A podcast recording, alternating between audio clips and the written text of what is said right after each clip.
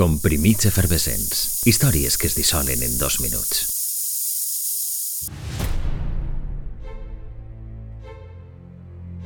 Situat en el cor de l'estat de Washington, és un dels volcans més actius del continent americà.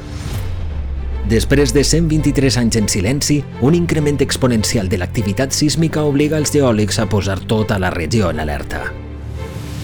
Un 18 de maig, una erupció descomunal acabaria amb la vida de 57 persones i devastaria per complet una àrea de 25 quilòmetres quadrats al voltant del cràter del volcà St. Helens i alliberar una energia total equivalent a 27.000 bombes atòmiques com la que arrasà la ciutat d'Hiroshima. La cara nord de la muntanya s'esfondraria per complet i començaria l'espectacle.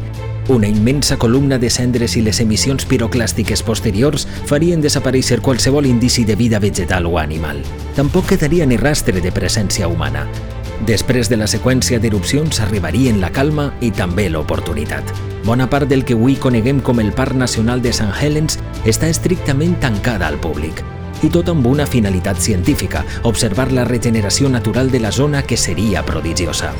Particularment en el llac Spirit, on l'ecosistema no només s'ha recuperat, sinó que s'ha enriquit.